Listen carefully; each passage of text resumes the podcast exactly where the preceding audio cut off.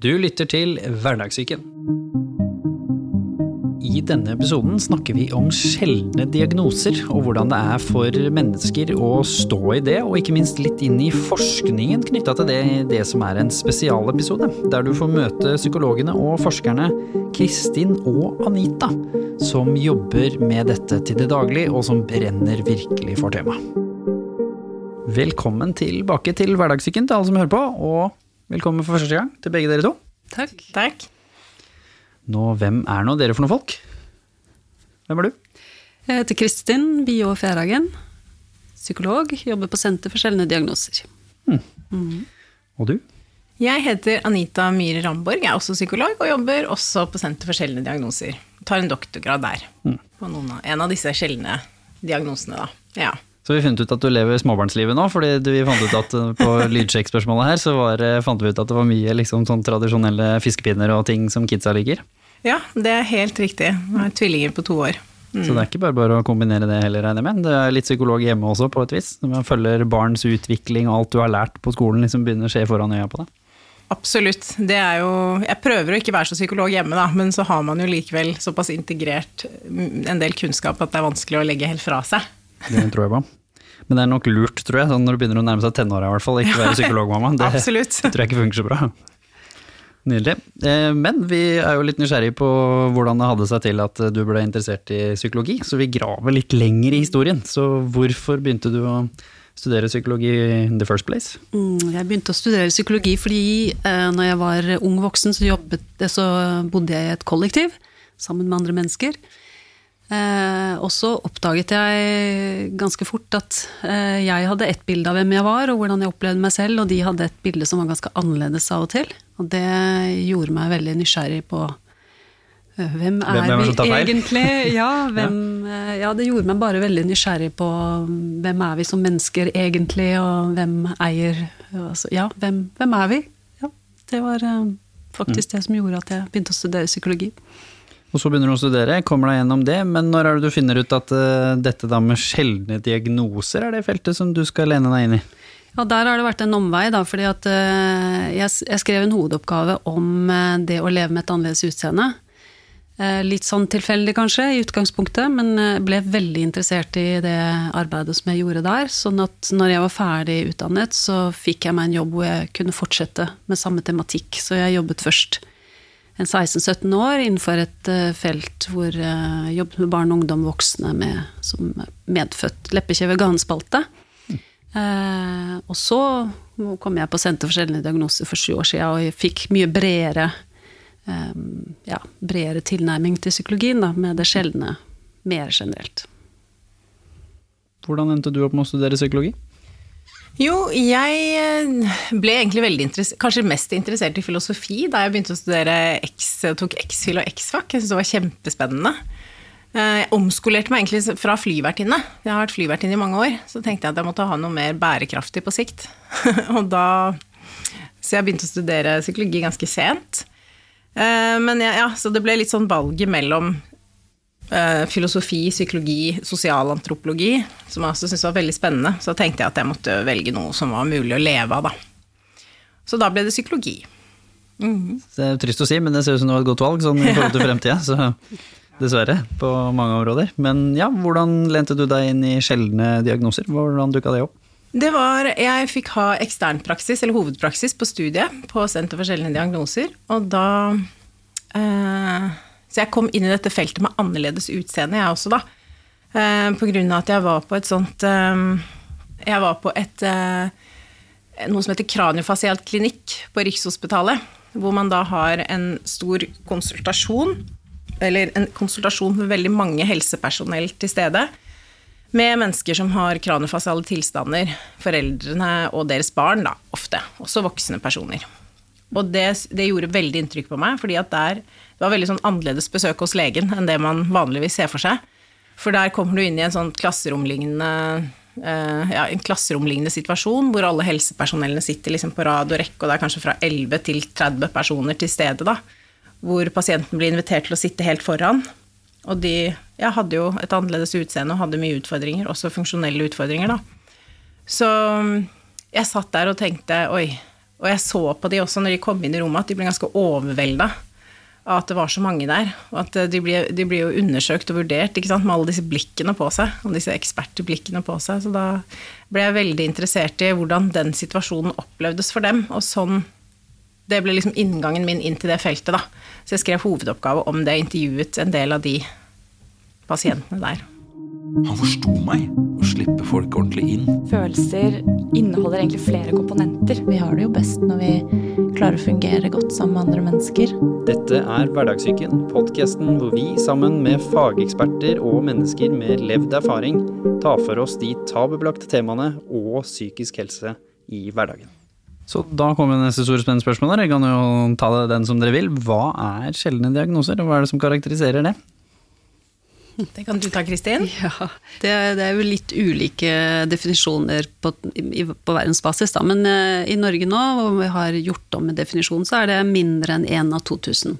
Så hvis du har en tilstand som er færre enn det, og, og noen tilstander er jo, eller diagnoser er jo, fins det kanskje én eller to på verdensbasis til og med, og i andre så er det jo kanskje flere hundre i Norge, tross alt, da. Mm. Men, uh, men det er det som er definisjonen. Mm.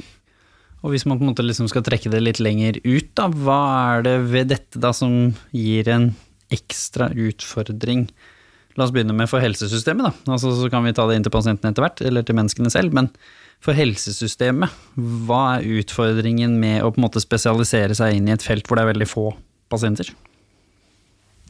Altså, spesialis spesialistene finnes jo eh, mange steder, så det, når man kommer dit, så er jo så er mye løst. Problemet er veien til spesialistene, som er veldig, i noen tilfeller veldig, veldig lang. Så veldig mange ja, foreldre, da, når barna er unge eller voksne, som har en diagnose som utvikler seg eventuelt når de er eh, eldre, opplever ofte å gå fra lege til lege til lege til lege med eh, 'her er det et eller annet som ikke stemmer', 'her er det et eller annet vi lurer på', 'her er det noe vi ikke forstår'. Og så blir de eh, på en måte bare henvist og henvist og henvist ofte, eller, eller føler at de ikke blir trodd, ikke blir forstått, ikke blir hørt mange foreldre som har vært eh, Ja, blir veldig Begynner å tvile på egne evner til å vurdere at det er noe med barnet, selvfølgelig. Så, så, det, så det tar ofte, kan ta opptil mange år for noen, og sikkert mer enn det òg, før de kommer nettopp til spesialistene, som da endelig er de som kanskje kan noe. Og selv når du kommer til spesialistene, så har du jo enkelte diagnoser som er veldig sammensatt, hvor eh, du, du har en sånn hoveddiagnoseutfordring, på en måte, men du har masse underkategorier under der igjen, så selv spesialistene mangler jo av og til kunnskap om akkurat din diagnose. Det skaper veldig mye usikkerhet, og mye sånn når du sitter overfor den som skal være den som vet, helsepersonellet, og du forstår at helsepersonellet som skal være spesialisten, ikke vet hva som feiler deg, eller hva som er problemet, så skaper det ganske mye usikkerhet. Det gjør det ganske Jeg tror vi alle hadde kjent på det hvis vi hadde hatt en alvorlig sykdom og kommer til en lege, og legen ser ut som et stort spørsmålstegn, så gjør ikke det oss veldig trygge på at vi blir ivaretatt. Det tror jeg på. Og hvis vi skal liksom titte litt på hva er de nesten litt feil å si de mest vanlige av de sjeldne diagnosene, men eh, i Norge, da, hvem er det dere ser oftest nå i det siste av disse, og har dere noen typiske navn på eksempler på sånne sjeldne diagnoser som dere jobber med de siste par åra? Sjelden immunsvikt er en, en, en stor gruppe. Eh, de kranefasiale diagnosene som Anita Anita snakket om, altså det å ha medfødt tilstand i ansikt eller hode, og så er det mange andre medfødte tilstander i andre deler av kroppen. Ehm, og så Hvilke er de mest vanlige? Huntingtons sykdom har vi, det er det mange som har hørt om, for det blir jo dratt fram som et sånn typisk eksempel på genetisk eh, arvelighet. Mm. Eh, den har vi også ansvar for. Så er det de sjeldne blødersykdommene. Blødersykdommene, ja. Mm. ja. Det har de fleste. Det er, jo, det er veldig mange, og jeg har ikke oversikt over alle som er på vårt senter, faktisk. Det er 100-120 ja. diagnoser på senteret, og det er, eh, det er, uten at man har sett på de genetiske detaljene, så det blir sikkert ja. deles opp til enda flere etter hvert. Så kommer det neste store, litt dumme spørsmålet. Da. Hvorfor trenger man spesialkompetanse på disse tingene? Er ikke liksom alt dette det samme, da? Jeg vet at svaret er nei, men kan ikke dere fortelle hvorfor eh, man trenger spesialkompetanse selv på da altså diagnoser som er såpass sjeldne at det er snakk om alt fra et par stykker til 200 i Norge? Ja, det er jo nettopp fordi det, vi, kan ikke, vi, kan ikke, forvente at lokalt behandlingsapparat har kunnskap om alle disse, for vi har bare 100-120, men det er jo mange, mange tusen diagnoser totalt, sjeldne. Så vi kan jo ikke forvente at helseapparatet eller hjelpeapparatet har kunnskap om alle disse. Så Norge har jo organisert det sånn at man, man sentraliserer kunnskapen inn i kompetansetjenester.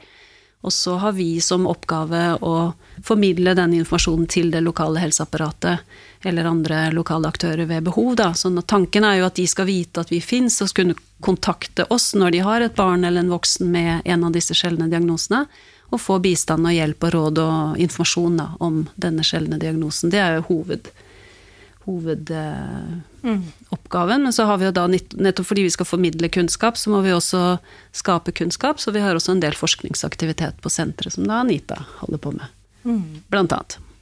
Ja, da kommer neste spørsmål. Hvorfor må vi forske på flere sjeldne diagnoser? Hva er det som er viktig kanskje litt svar jeg leter etter også. Hva er litt forskjellene og kanskje tilleggsutfordringene for de som har sjeldne diagnoser, kontra de som kanskje har lignende diagnoser, men som det er veldig mange flere av, og feltet er på en måte dypere utprøvd, regner jeg med, mer funding og alle disse tingene her. Så hva er det som gjør at, at vi syns det er eh, ekstra nyttig, kanskje spesielt fra, for pasienten, da, at det finnes et eh, kompetansemiljø som også ønsker å utvide kompetansen sin, finne nye diagnoser og forske videre. Det var mange spørsmål, men eh, ja. Altså hvorfor det er viktig å forske på det, på sjeldne diagnoser. Ja, det er jo det er jo sjeldent, sånn at det er jo ikke så mye forskning hvis man sammenligner med alle andre sykdommer som, er, som er, langt vanligere. Da. Så derfor så er det selvfølgelig viktig. Hva er konsekvensen av det, på en måte? Det, det var nok det jeg prøvde å spørre om i mitt ADHD-hode. Hva er konsekvensene av at uh, på ett område er masse forskning, og på et annet veldig lite. Hva blir konsekvensene for eh, pasienten ofte, da? Nei, Det blir jo at det blir mindre kunnskap, da. Så, og min, at de igjen sitter med den følelsen at det er de som innehar den største kunnskapen om sin egen kropp, da. Om sin egen tilstand. Så, og psykologisk, hva hvis vi skal prøve å forklare så godt vi kan, hvorfor er det litt vanskelig for oss som pasienter å komme inn til helsesystemet og nesten føle at det er jeg som må lære opp uh, psykologen min, enn motsatt?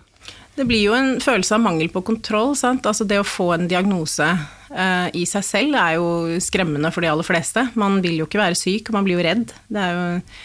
og så i tillegg når så har du jo, sånn som Kristin snakket om i stad, at man kommer og så forventer man at nå skal man få noen svar. Nå er det noen som kan noe om meg. Nå skal jeg se, liksom, få noen svar på hvordan det skal gå. Om det er hvor mye vi kan gjøre, og kommer jeg til å bli bedre? Alle disse spørsmålene. Og hvis du ikke får svar på dem da, og skjønner at helsepersonell heller ikke har all den kunnskapen, så blir jo den perioden med usikkerhet og liksom, frykt, kanskje, da, mye angst det er det en del som får, ikke sant. Som, den, den, blir jo mye lenger, og det er jo veldig slitsomt å leve i lenge. Ja. Det kommer på en måte rett og slett en tilleggstilstand, som er jo en mer vanlig ting, med angst som på en måte kommer på toppen av vannet enn man allerede står i. Da. Mm. Ja, absolutt. Ja, vi har mange brukere som, som forteller historier. Også for det er jo en del av disse tilstandene som, hvor det er viktig med medisinsk behandling faktisk underveis. Eh, og det er klart at når du da kommer f.eks. til eh, en akutt helseundersøkelse fordi barnet ditt er akutt syk, fordi medisineringen ikke fungerer, eller et eller annet, og du blir møtt med at nei, nei, men dette går over, og bare kom, det går hjem, og dette går nok over, og så videre, og så gjør det faktisk ikke det. Barnet Altså, vi har hørt historier, sånne historier, så det er utrygt. Det er ikke, så de, det er som Anita sier, de opplever at de er spesialistene, og det, og, og, men, men, så opplever de samtidig at ikke alle spesialistene liker at det er foreldrene som opplever seg som spesialistene. Mm. Så de uh, Og særlig hvis de har en opplevelse av å bli mistrodd. Mm. Det er det jo noen, noen, som får, ikke sant? hvis ikke diagnosen er veldig synlig, f.eks. Og hvis symptomene kanskje kan være litt diffuse i starten, hvis det er sånn problemer med mating f.eks. av et spedbarn, da, som en mor vil kunne oppleve mye Altså vil kunne ha Hun forstår jo det, for det er jo hun som sitter og mater barnet sitt hjemme. Vanskelig å videreformidle alvoret i det til en Og hvis du ikke da blir tatt på alvor, så er det en utrolig tilleggsbelastning. Du er redd for barnet ditt. Og samtidig så opplever du å bli bagatellisert, ikke sant. Hva gjør det med oss mennesker, da? Kanskje spesielt voksne mennesker, da. Når du kommer i en sånn situasjon, som du sier, og som mor selv, så vet du også at når man kommer inn i tillegg og er den ultimate beskytteren ofte av sitt barn, og så kommer du inn og så blir du egentlig ikke engang trodd av helsesystemet, verdens beste helsesystem i stor parentes. Men hva gjør det med, med denne pårørende, da? Det, jeg tenker at den kan føre til utmattelse, eh, og en eh, Det var jo en mor som sa det, at eh, hvis det bare hadde vært ett menneske som hadde trodd på meg og forstått meg, så hadde det gjort hverdagen min helt annerledes. Hvis det bare var én som forsto og trodde på det jeg sa. Så Mm. Så det blir liksom en på toppen av det hele, og sånn kampen mot systemet-type stemning, regner jeg med? absolutt. Så istedenfor å bruke den tiden på omsorg for barnet ditt, da, og ha den tryggheten i bånn at nå får du hjelp, du får en diagnose etter hvert, du vet du blir tatt på alvor, så har du den kampen i tillegg. På toppen av det da, så regner jeg med man kan få et uh, følge, følgefeil, som kan være alt fra at man må delvis sykmelde seg for å klare å Absolutt. stå i dette her. Det kan være parforhold som, som går i slit av ting. Ja, ja, ja. Det kan være veldig krevende. Ja, og det er jo ofte på toppen av at barnet kanskje trenger mye behandling og, eller ekstra oppfølging. Sånn at det er mange foreldre der som er slitne i utgangspunktet, som har mye nok allerede, og så kommer dette på toppen av det hele. De føler at de må være både sykepleiere og leger og sosionomer og prester og hele pakka selv. Eh, Og hente, hente kunnskapen og sørge for at rettighetene blir ivaretatt, og ja, Blir skolen og barnehage følger opp, og ja, alt, alt mulig, på en måte. Så de har litt for mange roller. Ja, og en del må jo oppgi karrieren sin. F.eks. finne seg en annen jobb som har med mindre ansvar. Og kortere arbeidstid og Eller være hjemme. Ja, så man kan spare krefter og tid da på fordi den jobben man har med helsepersonell eller helsesystemet og oppfølging av sitt eget barn jo, kan jo være en 100% stilling i perioder, da. Absolutt. Jo, og så når man da kommer liksom inn i, hvis vi skal gå litt dypere inn i det psykologiske her, da, i disse sjeldne sykdommene, hvis vi skal se fra et psykologisk perspektiv, det er jo mye fysiologiske ting her også, virker det som, som på en måte er samspill. Men hvis dere skal liksom trekke fram de tingene som er psykologisk i tillegg til tilleggsbelastninger, er det noen sånn konkrete psykologiske ting som er litt sjeldne her også, som man møter på? Som er utfordringer som det er naturlig at en vanlig psykolog ikke kan nå? Jeg tror, er, jeg tror de fleste psykologer egentlig burde kunne forstå det meste. Eh, Fordi det er jo menneskelige prosesser det handler om. Altså det å føle seg utrygg, eller føle seg misforstått, eller ikke føle seg trodd, eller være usikker. Det er jo, eller, ja, det er jo menneskelige følelser. Eh, Men det vi opplever, eller hører, er jo veldig ofte at de de opplever at fagpersonene blir usikre på hvordan de skal kunne hjelpe dem og støtte dem, fordi det, det er en sjelden diagnose som på en måte kommer i veien. Eh, og at den, det at fagpersonen er usikker på, ikke vet noe om den diagnosen, gjør at de er redde for å feilbehandle eller ikke Pluss at eh, pasienter og foreldre ofte opplever at du, du skjønner egentlig ikke hva jeg står i. Og det er jo helt sikkert riktig, for hvem kan egentlig forstå uh, hva de står i uten å ha opplevd det selv? Men det Ja. Jeg tror nok en del psykologer og behandlere kan være litt redde ja, når de ser f.eks. å, man har apert syndrom, det kan jeg ingenting om, det er kjempesjeldent. Men hvis man trenger psykologisk behandling, fordi det fins jo leger og kirurger og sånt som tar seg av alt det medisinske, så det trenger du ikke å vite noe om som psykologen, men du trenger å vite noe om hva eh, veldig mye kirurgi og veldig mye operasjoner gjør, kan gjøre med en person. Man kan bli traumatisert av det, og, og gå gjennom eh, Man kan virkelig få etter Ikke alle, men det kan skje at man får ettervirkninger av det. Um, liksom, noen av disse som jeg um, forsker på, har jo gått gjennom rundt fra 30 til 60 operasjoner i ansikt og hode, ikke sant. Og det, det gjør jo noe med det. Så de trenger å vite noe om den belastningen det medfører. Og hvordan det er å Altså dette med å føle seg annerledes, da. Ha et annerledes utseende. Men det, der er det veldig Der kan man bruke generell psykologisk kunnskap. Mm, tenker jeg. Man trenger ikke å vite så mye om akkurat syndromet eller tilstanden, det medisinske ved det, da. Det handler jo om å kunne eh, leve med Ikke sant? Kan du gå litt dypere i det? Og i den, hva er det man ser der, da? For det, som du sier, det er jo ikke sånn at den tingen de står i er det samme som en som bare føler seg litt eh, styggere enn de andre når de er tenåring. Her er det jo snakk om at det er konkrete ting som de må ta operasjoner for, som du sier, og det er, det er jo ikke bare en subjektiv vurdering. Her er det jo på en måte litt sånn helsesystemet og samfunnet som sier at det er et eller annet galt med deg, som gjør at jeg må operere deg, på en måte. Så det er jo en mye hardere bekreftelse på at et eller annet med utseendet mitt ikke er ansett som normalt, da. Så hva er, det det, hva er det du ser at det gjør med de psykologisk? De som på en måte får den harde bekreftelsen, og i tillegg, som du sier, med gjennom masse fysiske operasjoner. Det er jo tøft i seg selv. Hva det gjør med de, det er veldig individuelt. Det er, en, det er stor variasjon i hvordan de lever med det. Eh, men det er jo en eh, stigma, og at de blir utsatt for negativ oppmerksomhet, det er en realitet. Som er tøft for de aller, aller fleste. Sånn at de, de strever mer enn eh, enn eh, de fleste andre eh, pga. det her. Men samtidig, som jeg sa, så er det store individuelle variasjoner i hvordan man håndterer det.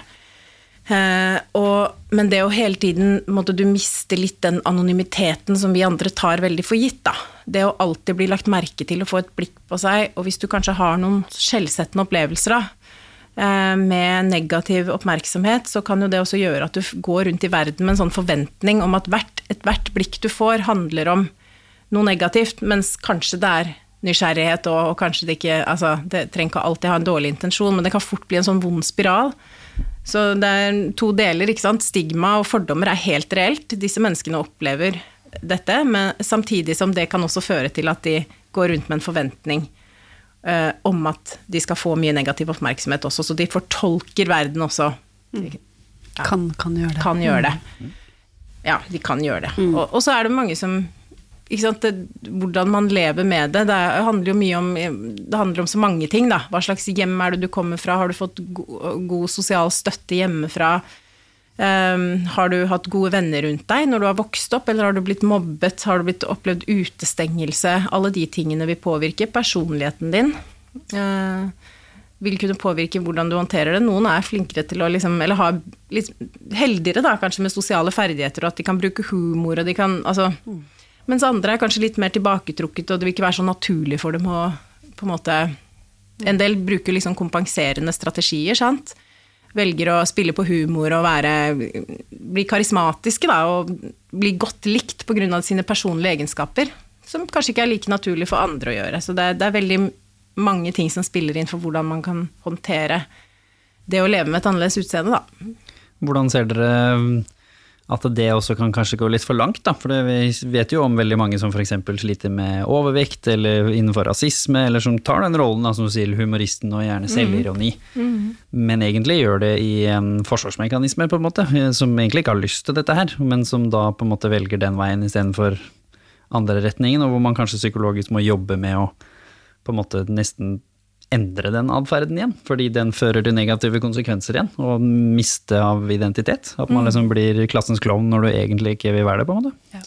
Absolutt, det er jo faren. Det er absolutt. Mm. Det er, eh, ja. Hvordan jobber man med det, da? Hvis, man, hvis jeg kommer med det, hva, hvordan, hvordan, jobber man med det sammen med en psykolog? Jeg skjønner at det er masse individuelle forskjeller, men hva er liksom hovedtrekkene med å klare å endre noe som man har skapt seg som en forsvarsmekanisme, som selvfølgelig har blitt underbevist? Hvordan jobber man med det? Bruker lang tid i hvert fall, tenker jeg. Første jeg tenker når du sier det sånn. Nei, hvordan man skal jobbe med det Jeg, ehm, jeg tenker det, det, første jeg ville vært eh, ønsket å høre mer om, er jo hvordan opplevelsen, selvopplevelsen av å være den personen du har på en måte funnet ut av at eh, du har blitt, på grunn av det du føler du blir tvunget til å uh, spille som rolle, på en måte så er det jo ja, det er noe med å bevisstgjøre litt disse mm, de fleste av oss velger jo strategier som funker, i hvert fall eh, kort sikt. Vi har erfaring med at det, det, er en lur strategi. Problemet ofte er jo at vi velger strategier som er lure på kort sikt, men ikke er så lure på lang sikt. Og det er vel akkurat det som skjer der, tenker jeg. Så det å ha, kunne gå tilbake og tenke litt rundt eh, hvorfor har det blitt en strategi, har den fungert, fungerer den fortsatt? Bevisstgjøring rundt det. Men det er, eh, det er, det er, et veldig dobbelt eh, Det er et vanskelig arbeid fordi det blir som Anita sier, det er så veldig Én ting er jo å jobbe med din egen eh, opplevelse av deg selv og hvem du ønsker å være, hvordan du ønsker å framstå, men du har verden der ute som fortsatt reagerer som de gjør. Så det er en virkelighet som mange må forholde seg til. Så det er jo også noe vi prøver å jobbe med i tilfelle. Da. Hva, gjør det, hva gjør det med deg? Ehm, hva er grunnen til at andre reagerer på utseendet ditt? Kunne normalisere det òg. At vi reagerer på et annerledes utseende fordi vi som mennesker er skapt til å reagere på det som er skiller seg ut, for det er lurt. Når vi bodde i grotter og sånn, så skulle vi jo legge merke til at noe var annerledes. Eh, så det er jo en veldig naturlig mekanisme som ikke er negativ i utgangspunktet. Så det å re, retenke, snakke rundt det, at, eh, at det er grunner til at folk stirrer, det er ikke nødvendigvis negativt, det er også noe man kan jobbe med og bevisstgjøre rundt. Det er ikke sånn at de går hjem og ler av det under middagsbordet i Ja. tre timer etterpå, på en måte. Ja. Stort sett så er det jo De fleste av oss tenker på oss sjøl, så Mm. det er en reaksjon der og da, og så er det jo stort sett glemt for oss de fleste mennesker etterpå. Av sånne type ting, da. Hvor, Ja. Men selvfølgelig, som vi sier, det kan jo føre til mobbing og diskriminering i ytterpunkt. Men hvis vi skal snakke om hovedbolken av mennesker, om det er innenfor rasisme, diskriminering, eller er at noen ser annerledes ut også pga. noe medfødt, så er de fleste av oss egentlig bare der og da reaksjonen, og så er det borte. Ja. ja, og det er noe som er veldig umiddelbart, og kanskje ikke Men det er veldig forståelig at det gjør noe med deg når du ikke slipper unna.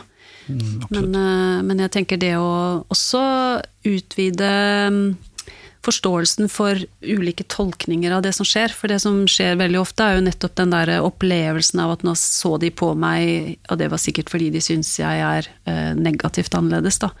Så kanskje ikke det var det. Kanskje det, var, eh, kanskje det er andre grunner. Så det å utforske det sammen Fordi ja. søsken av dem har, ser like ut, Ja. så hvor man bare Ja. Oi, det Eller minner om broren jakken min. eller- din, eller likte Altså, det er faktisk mange mulige Menneskelige relasjoner er jo veldig preget av usikkerhet, på en måte. Vi tolker øh, Jeg prøver å forstå hva du tenker, men det er jo noe jeg prøver å gjette meg fram til. Jeg vet ikke. Så det å re rejobbe rundt disse ja, bevisstgjøre er, en måte man kan Men bare et lite innspill til det med disse strategiene og hva folk eh, holder på med. Da. Det kan bli for mye, ikke sant. Plutselig blir man ba bare tullebukken.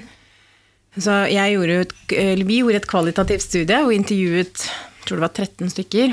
eh, voksne personer med annerledes utseende. Og de fortalte om hvordan de hadde levd med dette, og hvordan de håndterte det. Og I ulike sosiale settinger, da. Og der kom det jo frem at eh, sant? Sånt kan jo gå litt i faser òg. At nå har det blitt litt mye, nå er jeg litt ukomfortabel med det. Mens så føler man kanskje at det går ganske bra. Så det trenger jo ikke være sånn at man enten mm, bruker en forsvarsmekanisme eller en måte å beskytte seg på da, som er veldig uhensiktsmessig.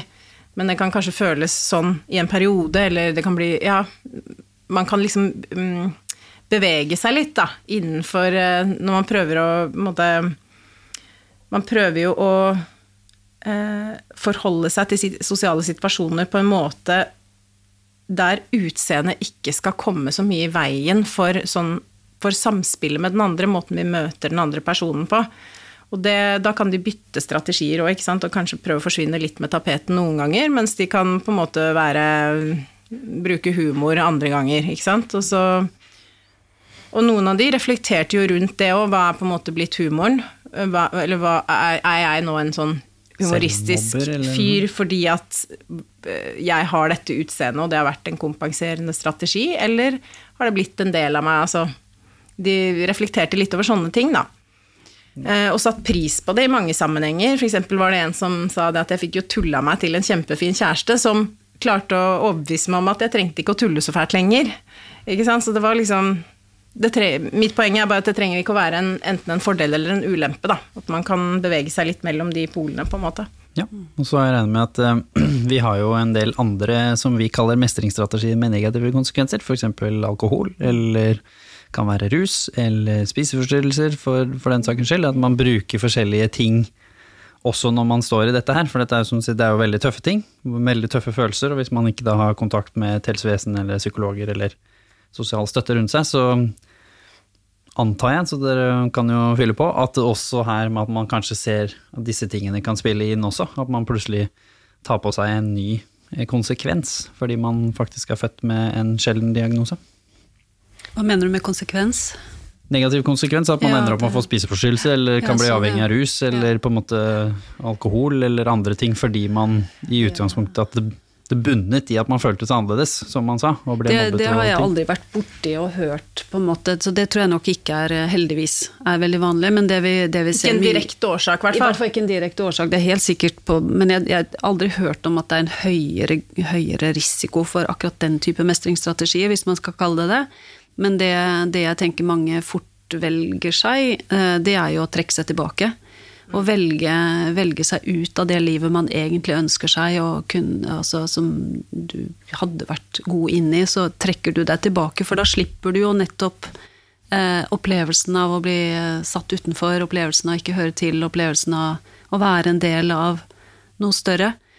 Det, det er jo noe vi ser, dessverre. Og det er jo skummelt, sant? For da, hvis man isolerer seg veldig, så kan man jo bli veldig deprimert. Mm. Og det er klart det vil jo være spiseforstyrrelser, det vil være psykiske lidelser i denne eh, blant folk med noen annerledes utseende som eh, befolkningen generelt, men at det er noe høyere prevalens av, sånn, av type psykiske, sånne type psykiske lidelser pga. at man har et annerledes utseende, det kan vi ikke finne i forskningen.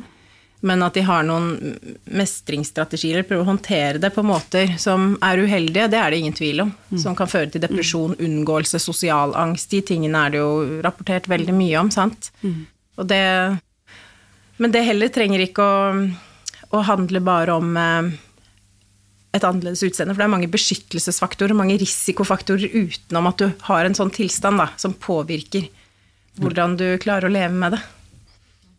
Offerrollen er vel en annen interessant ting, som veldig mange som har stått i skader og sånne type ting også, eller overgrep, og det er jo en kjent begrep generelt.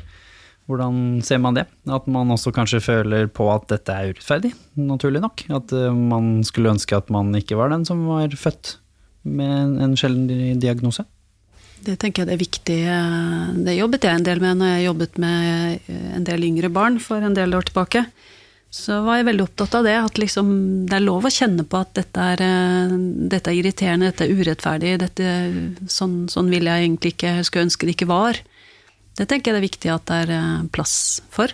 Og at eh, ja.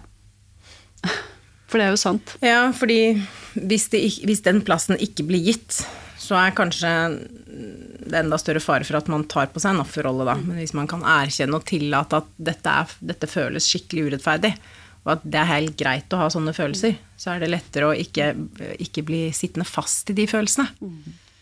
Men det er også selvfølgelig en, en mestringsstrategi å, bli, å, føle at uh, hele verden er imot deg, og at uh, det er veldig synd på meg.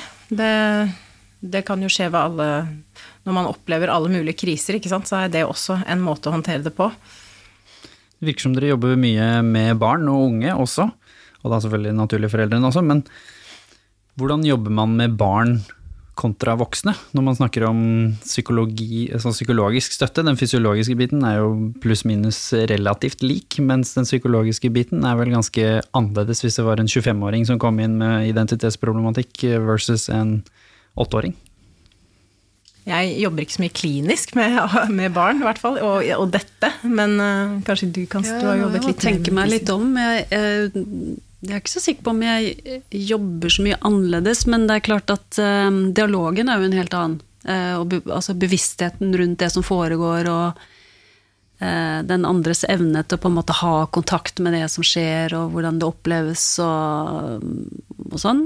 man må tilpasse seg, tilpasse seg barnet mye mer enn kanskje, enn altså alders, barnets alder. Men samtidig så er det jo på en måte veld, altså veldig takknemlig å jobbe med barn, for de er så mye lettere å forme også. Jeg syns, uh, syns oftere jeg hadde kunne ha mer følelsen av at noe, noe gikk riktig vei, kanskje. En, ikke, ikke enn med voksne, men med voksne så føler jeg kanskje at det tar lengre tid, da. Det er mer uh, at med barn så kunne man fortere liksom, i løpet av en time eller to komme dit enn at noe var forandret, og så satte de i gang og prøvde andre mestringsstrategier, f.eks., og så kunne jeg håpe at ballen rullet og gå eh, riktig vei.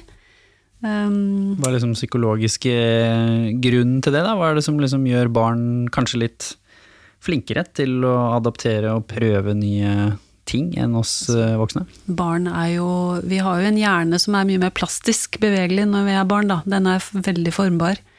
Ehm, på godt og vondt. Så, og så har de ikke lært seg å gruble ennå, mm. og bekymre seg. De er veldig her og nå, sant? og det er jo en veldig fordel. Ja. At når de har opplevd noe vondt, så har de også lettere for å De går jo mye mer inn og ut av det gode og det vonde. Mm. Mens vi blir liksom sittende som voksen, så blir man sittende mye mer fast i det. Mm. mm. Så det er bra. Men så er det jo veldig spennende å jobbe med voksne, fordi eh, du kommer jo på en måte tettere på når du følger opp noen over lengre tid, og det er eh, jeg syns alltid det er veldig flott, veldig fint, å få lov til å bli kjent med et annet menneske på den måten som vi kan bli når vi får lov til å komme inn. Det virker som det tar lengre tid der. Er det da også sånn at uh, i helsesystemet, hvis man kommer inn med dette, så får man mer tid også? Fordi vi snakker jo mye i denne podkasten om pakkeforløp og lite tid og raskt inn og raskt ut, og hvordan er det på deres felt? Altså, vi tilbyr jo ikke behandling på Senter for sjeldne diagnoser, da, så vi, vi, blir jo på en måte vi, vi, må henvise til lokalt hjelpeapparat, stort sett. Um, så dermed så vet vi egentlig ikke så veldig mye mer om det, men det vi hører dessverre, er jo at det er Jeg tenker at vi mangler um, Mange av disse mangler et sted hvor de kan få et tilbud om støtte uten at det er krise. Så at hjelpeapparatet er uh, DPS-en og BUP-en og sånn er veldig presset på tid og tar inn de som er virkelig er dårlige. Og så vi, møter vi veldig mange familier, barn og voksne som klarer seg fint, egentlig, har gode mestringsstrategier, men trenger litt ekstra støtte, og den, den syns jeg mangler eh, ofte. Ja, jeg vil tippe at mange av de som strever litt med utseendet sitt, og strever om å finne plassen sin, føler seg veldig annerledes kanskje og sånn, ikke er så syke at de får tilbud om mm. psykologisk behandling. Typisk sånn ikke syk nok, eh, ja. Ja, absolutt. Ja. Så det er det, men det er det flere som forteller om eh, at de, de fikk ikke hjelp. Eh, selv om de mente at de trengte det, og kanskje fagpersoner mente de trengte det. Så har de allikevel ikke fått det. Og det er sårt, det er vondt. Ja, det tror jeg er veldig vanskelig å forstå. Det gjør det jo for verre. Altså sånn psykologisk. Hvis man ikke da er heldig og har et veldig godt støttende sosialt nettverk, så er dette en klassisk ting som mm. kan få følge, mm. følgefeil, på en ja, måte, med ja, økt depresjon, økt isolasjon. Sånn type ting. Ja. Mm. Finnes det noen form for liketilbud? For det var på en måte en av de neste spørsmålene mine. At den samme utfordringen som man har på forskning og kompetansen, regner jeg med er på liketilbud òg. Har man tidligere rusmisbrukere eller alkoholikere eller noe sånt, fins det jo, trist å si, da, men flust av folk som har stått i det før som har kommet ut av det, som jeg kan snakke med. Altså liketilbud. Mens det er vel ja, ikke like lett. Altså at man snakker med andre i lignende situasjoner. Ja. ja, det tror jeg det finnes en del av. Det er jo pasientorganisasjoner hvor man møtes man kan melde seg inn i og møtes og dele erfaringer. Og så har jo vi en del kurs. Eh, og noe av det de setter mest pris på på de kursene, er jo muligheten til å dele erfaringene sine og få innspill fra andre. Gode råd og tips på hvordan håndtere ulike problemstillinger. Um, så dere kjører kurs for vanlige folk? Nei, vi det er for, eh, for sjeldne diagnoser. Ja, nei, men vanlige folk med sjeldne Ikke fagpersoner, sant? men ja, vanlige deler. folk med ja, diagnoser. Vi har, eh, vi har også kontakt med helsepersonell, ja. Men eh, ja, det er brukerkurs, som vi kaller det. Mm. Men så er det jo, siden vi snakker om det sjeldne, eller starta der i hvert fall, så er jo det er mange sjeldne diagnoser som ikke har en pasientorganisasjon. Mm. Fordi de er så få. Nettopp.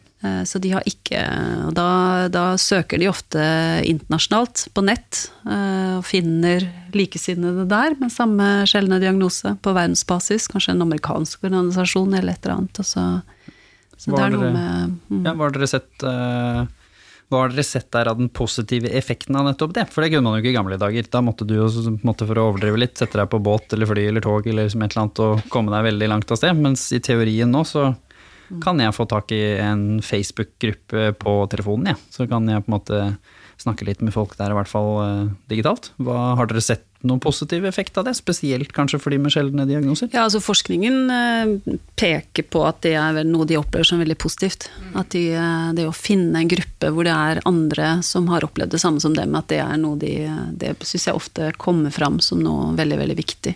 Ja. Det kommer frem i forskningen, og det kommer frem med de som snakker mm. med også, at det er en av de store faktorene de opplever som mest støttende, da. Mm. Mm. Og det er klart, det er jo lett å forstå.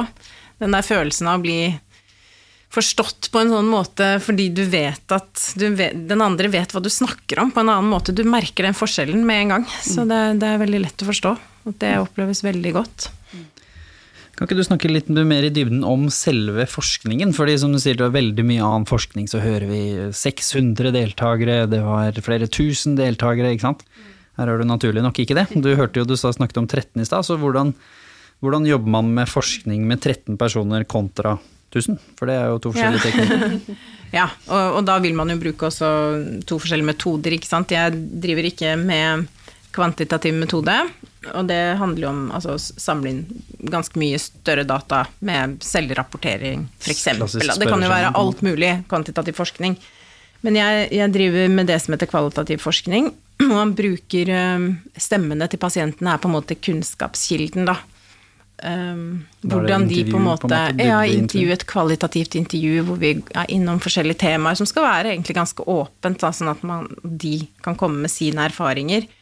Og hvordan de gir mening til sin erfaring, da, og hva de Det, det er et veldig fint um, uh, Det gir en annen type kunnskap enn en kvantitativ kunnskap som kan fortelle noe om sammenhengen ikke sant, mellom to fenomener, men her så det gir veldig utfyllende kunnskap. Da. Man kan forstå mer av de fenomenene de strever med, og som ligger bak. Da. Hvordan de opplever sosiale situasjoner, hvordan de opplever å endre utseendet sitt, f.eks. gjennom kirurgi. De går ofte gjennom store operasjoner. Og ja, utfordringer de står i, da. Jeg skulle nettopp til å si det. det, det er det nesten som om det er en litt rikere forskning? Altså, det er jo ikke sånn at uh, man ikke hadde brukt den teknikken på de tusen også, hvis man følte man hadde råd til det. Det hadde bare tatt forferdelig lang tid. Ja. Så dette er jo en, det er en grunn til at det heter kvalitativ eh, teknikk også, fordi Ja, nei, kvaliteten er bedre. Nei da, det er ikke helt sånn. Nei, men rikere, det var derfor jeg brukte ja, ordet du får jo rikere. en, altså du, du på en måte prøver å fange opp eh, noen personers opplevelse av noen fenomener. Da. Du kan jo forske på veldig mange forskjellige fenomener. Eh, ikke bare dette, men med den metoden. Og, ikke sant? og hvordan de opplever eh, den verden de lever i, og hva slags mening Og hva de prøver å få til, da. Hva de, hva de prøver og hva slags strategier de har, f.eks. For, for å Ja, sånn som de jeg har eh, snakket med, da. Hvordan de prøver å få til disse sosiale situasjonene, og hva det er de egentlig Hva som ligger til grunn for at de gjør som de gjør, da. Ikke sant? Mine snakket jo veldig mye om det, for det, det, det handler grunnleggende for dem om å, å høre til, da. Og føle at de får respekt og anerkjennelse fra andre, og at de ikke skal føle seg så annerledes og ikke skille seg så veldig negativt ut.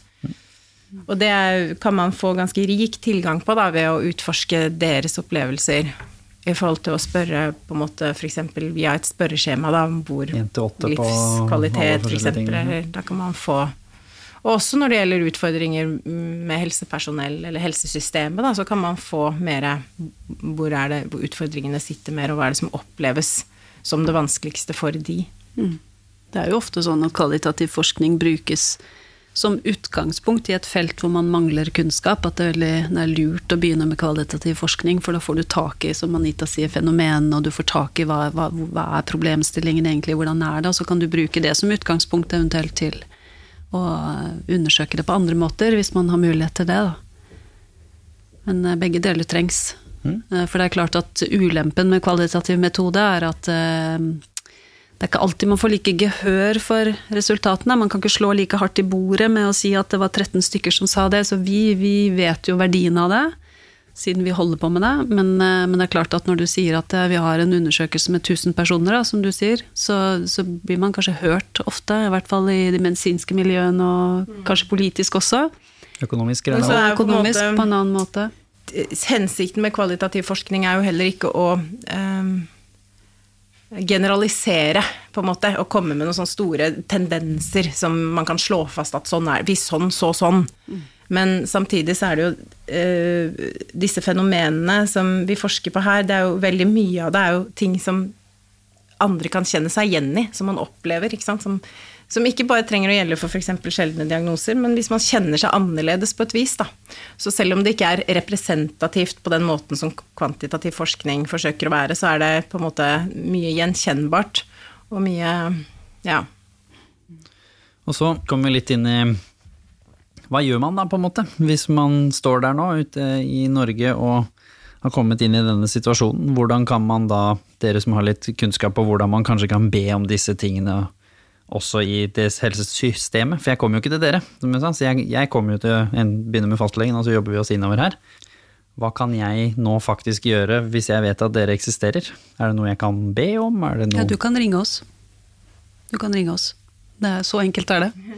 Hva får man da? Eh, det beste er jo, altså vi, Hvis du ringer oss, så kommer vi til å antagelig spørre Nå jobber ikke jeg som rådgiver, jeg jobber kun som med forskning, jeg også. Men eh, antagelig så vil rådgiverne be deg om å få lov til å kontakte din fastlege. Fordi at vi ønsker, det er viktig å forankre den kunnskapen eh, tilbake til de som skal være dine hjelpere, da, lokalt, der du bor. Men, eh, men vi har mange, mange brukere som ringer senteret for å diskutere 'jeg har et barn på skolen, og det og det har skjedd, og hva skal jeg gjøre', og, og, og så tar man stilling til om man kan eh, bidra med kunnskap inn, da. På en eller annen måte.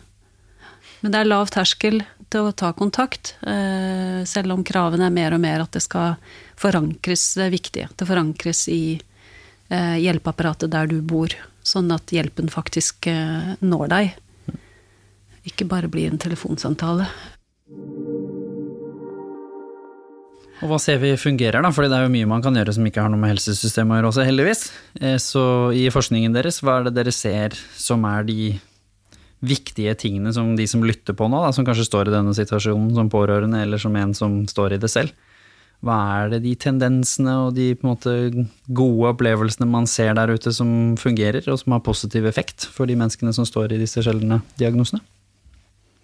Det er jo altså beskyttelsesfaktorer, da, og faktorer som gjør at eh, som er med til å bidra positivt at du kan leve godt med det her, er jo sosial støtte, gode venner, god familie hvor du kan hente støtte. Um, tro, eksempel. Religiøs tro.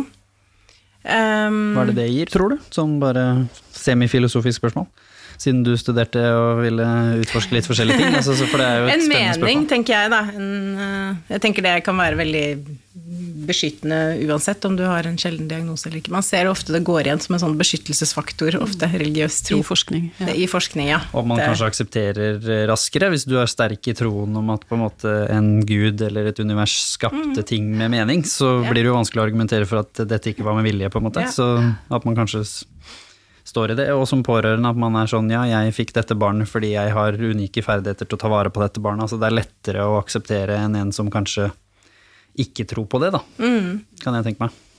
Men jeg sier ikke at man skal gå hen og bli kristen eller religiøs, altså, for, for å leve med Nei, dette. det må jo det komme med fra et godt sted. Ja, Ja, ja. dette her er på en måte bare noen av disse beskyttelsesfaktorene vi ser, ser viser seg å være, være bra, da, og sosial støtte er jo en av de viktigste, sant. Og humor, aktiviteter, ha noe du kan finne som du liker å drive med, hvor du får litt flyt, hvor du kan glemme litt tid og sted, noe du virkelig trives med.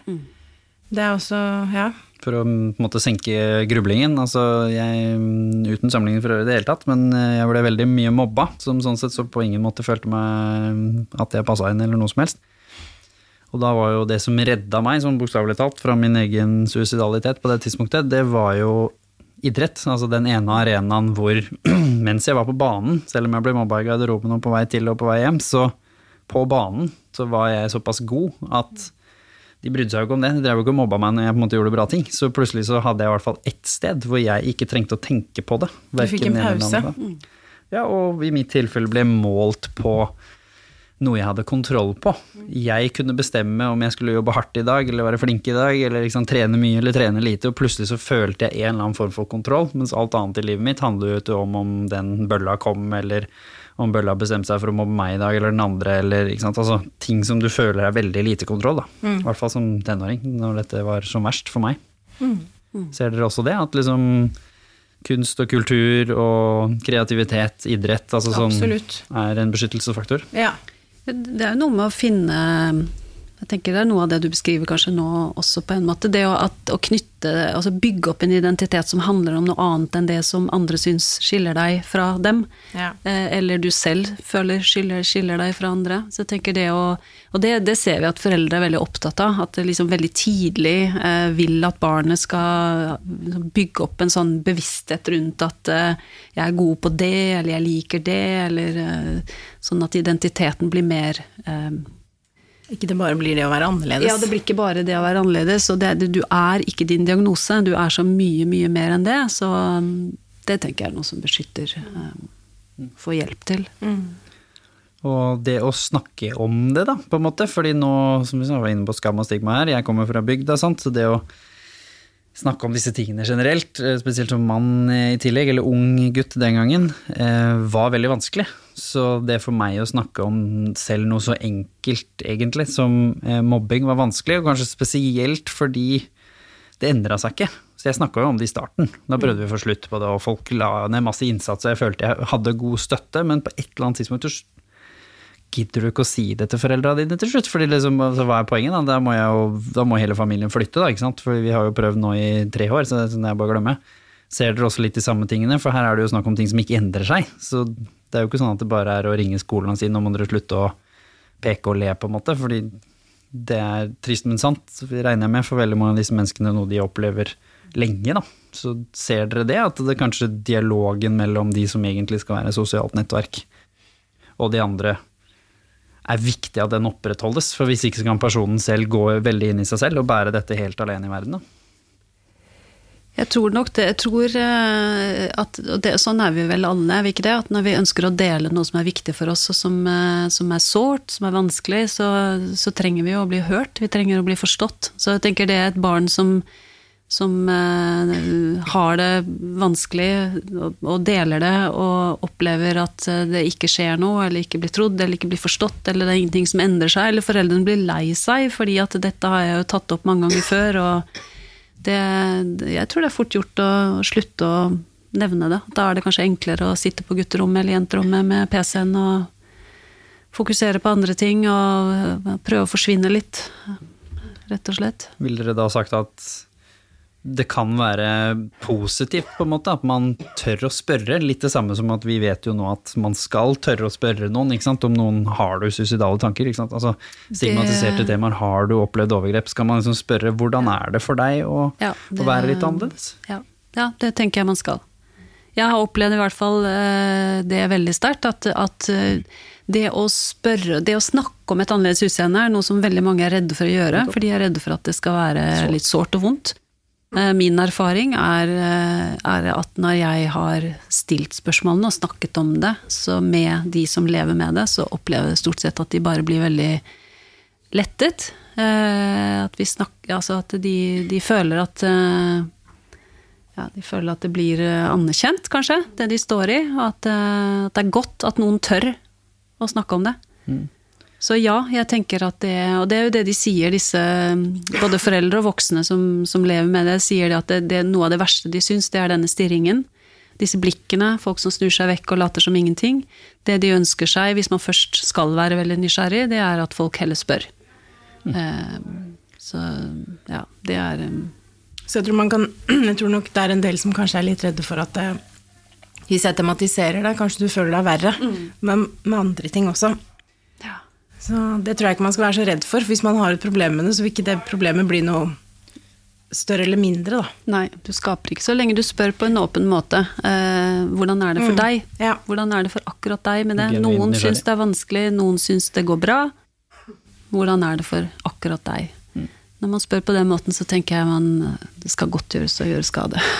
Så har jeg også sett litt at uh, jeg som har spurt så mye, og det er jo jeg litt annerledes, for jeg lever av å snakke med mennesker om ting som er vanskelig, men jeg har også merket på privaten at når jeg kan snakke om ting med så letthet, altså jeg kan snakke om alt fra overgrep til sjeldne diagnoser til selvmordstanker, på en måte uten at jeg viser at dette er vanskelig for meg, eller at ja. dette er problematisk, så virker det som om det alene letter en form for byrde hos den andre. At de blir møtt med litt form for normalitet. Sånn var ikke dette vanskelig for deg å snakke om? Altså, men du tåler det, ikke sant. Så jeg tenker det budskapet at du tåler det, det gjør at ja, men da tåler du kanskje min verden, da og at jeg snakker om den. Jeg tror, For det er jo det som blir budskapet. Ja, mm. hvis du snakker om et eller annet, du tar opp dette med selvmordsproblematikk, så vet man jo at det er viktig å snakke om det. Men de fleste er redde for at hvis de nevner det, så setter de i gang tanker hos den andre. Så jeg ja, tenker det er kjempeviktig. Tørre å men, men man, da skal man jo tåle det, og det er jo nettopp det. Det er mange mennesker som ikke gjør det, som er veldig kjappe med at 'å, men dette går jo så bra', og 'du ser så fin ut', og 'legen er jo så flink i dag', og bla, bla, bla, som er en bagatellisering av det de, de står i, opplever de. For det kommer fra et godt sted, men ja. det funker jo ikke. Det er ment som trøst. Ja. Men det, det funker ikke. ikke. Mm. Fordi det som er bedre da, fordi det kommer også fra et sted som vi har snakket ganske mye om her, om at man tror at fordi du snakker til meg, eller involverer meg som din venn, eller din måte, sosiale støtte, så må jeg gjøre noe. Mm. Men det er jo ikke det de egentlig vil de vil jo ikke at jeg skal gjøre noe, for sånn innerst inne så vet de jo at det er jo egentlig ikke så mye å gjøre her. Vi har holdt på i 20 år i helsesystemet, på en måte, så de vil egentlig bare, som du sa, føle at min, den verden de lever i, at de andre tåler den litt, eller er litt nysgjerrig på den. Det er egentlig alt de ber om. Så det er jo litt sånn spennende for alle de som står på. Så det er med noen av de rådene dere gir òg, at eh, alle de rundt på en måte ikke skal føle at dette også er deres utfordring å bære, men mer bare spør, vær nysgjerrig, vær der. Ikke vis at dette er problematisk for deg. På en måte. Vi ser jo gjerne foreldre vi har, eh, hadde noen på skolen og i klassen min hele barneskolen som, som da eh, hadde CP, heter det vel. Eh, den gangen het det det i hvert fall. Vi, Det heter det fortsatt, ja. Så vi hadde jo da en person hvor vi ble jo informert ganske mye av læreren, og jeg tror det må ha vært noe helsepersonell inne i bildet også, jeg bare husker det ikke, som var inne i klasserommet på barneskolen og fortalte om Nina, da, og hva Nina hadde, og hva det førte til. og og vi ble involvert i hennes rehabilitering, rehabilitering. Hun ble jo satt i, i, klasserommet, selv om hun hadde eget rom. Så var vi med på svømming og liksom ting som hadde med Nina å gjøre. Jeg husker det var sånn ekstremt berikende for oss. Altså bare den forståelsen av, selv om det var jo bare én sjelden diagnose, på en måte, så gir jo det meg som menneske et helt annet perspektiv når jeg går rundt i verden, og en helt annen respekt for mennesker som har det vanskelig, men også mindre Jeg vil ikke si redsel, for det er å dra det veldig langt, men mindre den at oi, dette er ukjent. Fordi det var ikke ukjent for meg. Jeg forsto ganske mye av den verden gjennom å ha det. Da. Og jeg tenker det, det jeg gjorde mye når jeg jobbet klinisk med disse barna, som sto i det hver dag, på en måte, det var også å Eh, og det syns jeg alltid var veldig gøy. Hvis vi, det barnet skulle være detektiv på egen tilstand, og så, så, jobbet vi sammen med å lage en presentasjon som det barnet kunne ha med seg på skolen, hvis de følte at de kunne stå i det. Da. Det er ikke alle som det blir som du sa i stad. Det er ikke alle som er robuste nok til det, men, men mange er det. Og uansett det å jobbe med egen historie, hva har du vært gjennom, osv. Og, så videre, og å kunne snakke om det på Plutselig så ble det litt spennende. Liksom, jeg har vært operert, og sånn så ser operasjonsbordet ut, og, eh, og, det og det har skjedd. Og så få lov til å være spesialisten på egen tilstand overfor de andre barna, og være den litt sånn Gjøre det litt spennende, det tenker jeg er viktig. Du forteller jo om de andre som sitter i klassen, som jeg tenker er kjempeviktig funksjon. Men jeg tenker også for barnet selv å få lov til å ha kontroll da, mm. på, på, egen historie. Og få lov til å være den som faktisk plutselig litt, eh, har noe litt spennende å komme med. Da. Det, det syns jeg er en fin, fin kombinasjon. Og det er noe foreldre kan hjelpe til med òg. Sitte sammen med barna og, og, jobbe litt med den historien. Og lage, finne ut av sammen hvordan skal vi gjøre det. Være spesiell på en spennende måte, som du mm. sier. For barn så er det jo ikke så mye som skal til for at det skal være spennende noen gang. Mm. Å ha litt kontroll, da. Den opplevelsen at du har kontroll på din egen historie. Det er, det er du som er med å mm. bestemme hvordan den skal formidles ut der. Og hva som skal sies, hva som skal og hva som eventuelt ikke skal mm. sies. For det er lov også. Sist, men ikke minst, vi snakket jo litt om det i stad. Med, med, voksne, så sånn, ok, den ene på en måte veldig viktige beskyttelsesfaktoren, hvis du finner noe du brenner for, og noe du står i, og hvis du er så heldig at det blir karrieren din i tillegg, så det er på en måte litt sånn innlysende, det er bra for alle mennesker, men kanskje da ekstra fint for, for de som, som, står i dette her. Men hvis du også skal se på den andre siden, hvor vi veldig ofte har sett at mennesker som har opplevd veldig tøffe ting, men som begynner å jobbe med en eller annen form for tilbakevirkende effekt, hvor de kan si at nå hjelper jeg andre, jeg havner i helsevesenet, at det er ekstremt positivt for, for voksne, hvor den måte, forferdelige, tøffe, traumatiske historien din plutselig får en verdi.